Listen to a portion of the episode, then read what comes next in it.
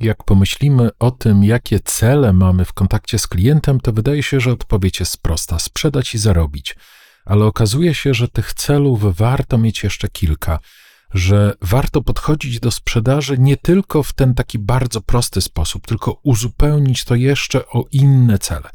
Dzisiaj właśnie podcast o tym, jakie cele powinna mieć mądra osoba chcąca budować relacje z klientem. Dzień dobry, witam Cię na kanale Człowiek w Biznesie. Człowiek w Biznesie to podcast o tym, jak mądrze sprzedawać, czyli jak sprzedawać dużo, jak sprzedawać drogo, ale przede wszystkim jak stale budować rosnącą grupę ambasadorów Twojej marki. To jest też podcast o tym, jak mądrze zarządzać, czyli co robić, żeby ludzie, żeby zespoły realizowały z zaangażowaniem cele. Ale przede wszystkim jest to podcast o tym, jak zadbać o siebie, czyli jak nie być niewolnikiem własnego sukcesu, a raczej być jego mądrym beneficjentem.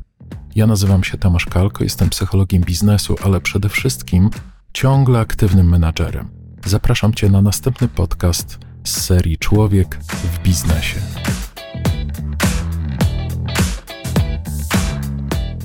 Cele sprzedawcy. Wydaje się, że temat jest bardzo prosty. W sprzedaży chodzi o to, żeby sprzedać jak najwięcej i chodzi o to, żeby zarobić. No nic bardziej mylnego. Po pierwsze, tych celów jest więcej. Po drugie, nawet te proste cele wcale nie są oczywiste. Po pierwsze, wcale nie chodzi o to, żeby sprzedać wszystkim.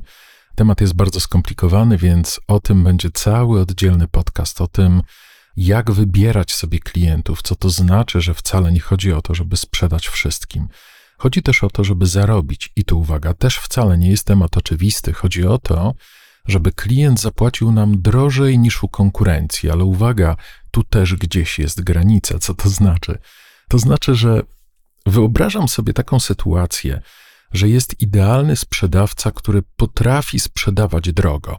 I nawet taki sprzedawca musi założyć sobie, gdzie jest ta granica drogo, czyli uwaga, trzeba założyć sobie dwie granice. Trzeba założyć sobie granicę ceny, poniżej której nie sprzedam, ale też trzeba sobie założyć granicę górną, czyli powyżej której nie sprzedam. O co chodzi?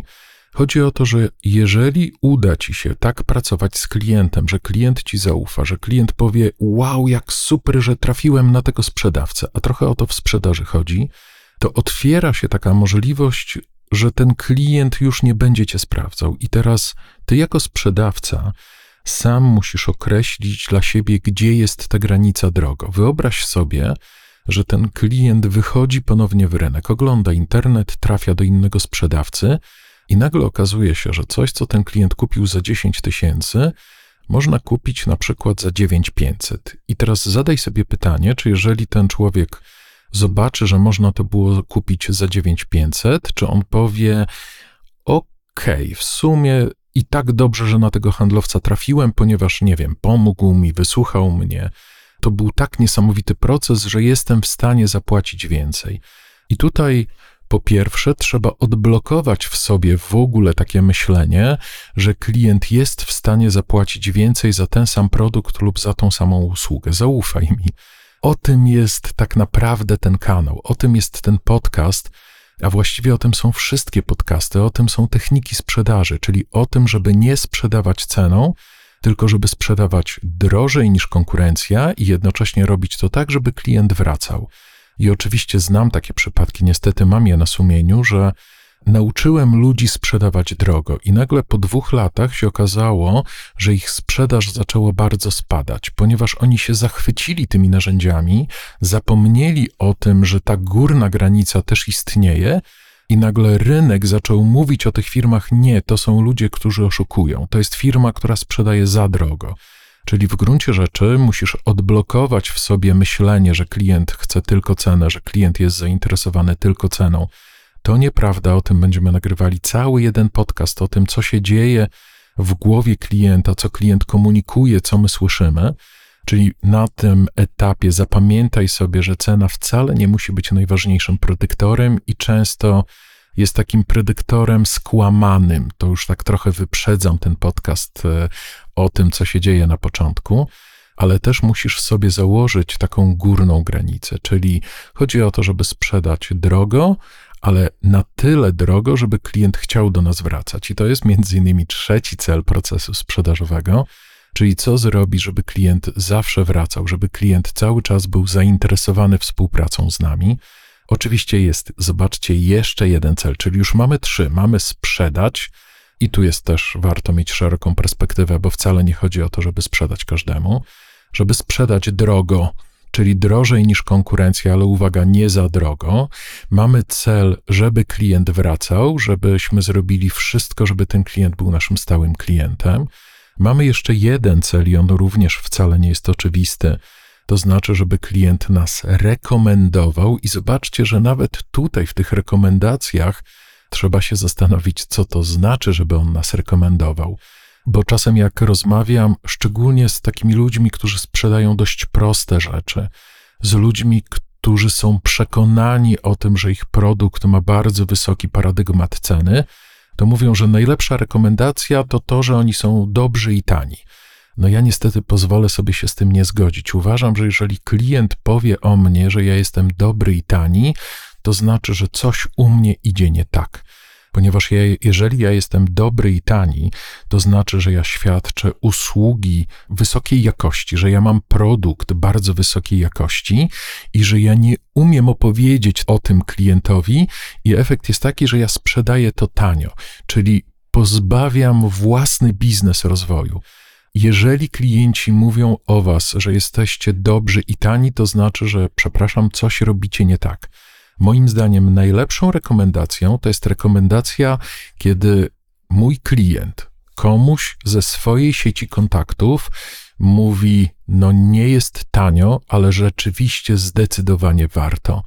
I warto mieć z tyłu głowy ten rodzaj rekomendacji, czyli co ja mogę zrobić, żeby mój klient w swojej sieci kontaktów mówił o mnie coś takiego że firma wcale nie jest tania, ale zdecydowanie warto korzystać z usług tej firmy. I tu chodzi trochę o proces sprzedaży, bo to, żeby to się udało, kryje się w samym procesie obsługi klienta, ale to też kryje się oczywiście w wartościach. Czyli ja muszę zadać sobie dwa pytania w gruncie rzeczy. Czyli jedno pytanie, jak ja prowadzę proces komunikacji z klientem, proces obsługi klienta, żeby klient zrozumiał wartości, które ja mu daję, no i oczywiście drugie pytanie, a właściwie fundamentalne, jakie wartości ja daję temu klientowi, gdzie te wartości realnie są, czy te wartości są prawdziwe, czy te wartości są realnymi wartościami dla klienta.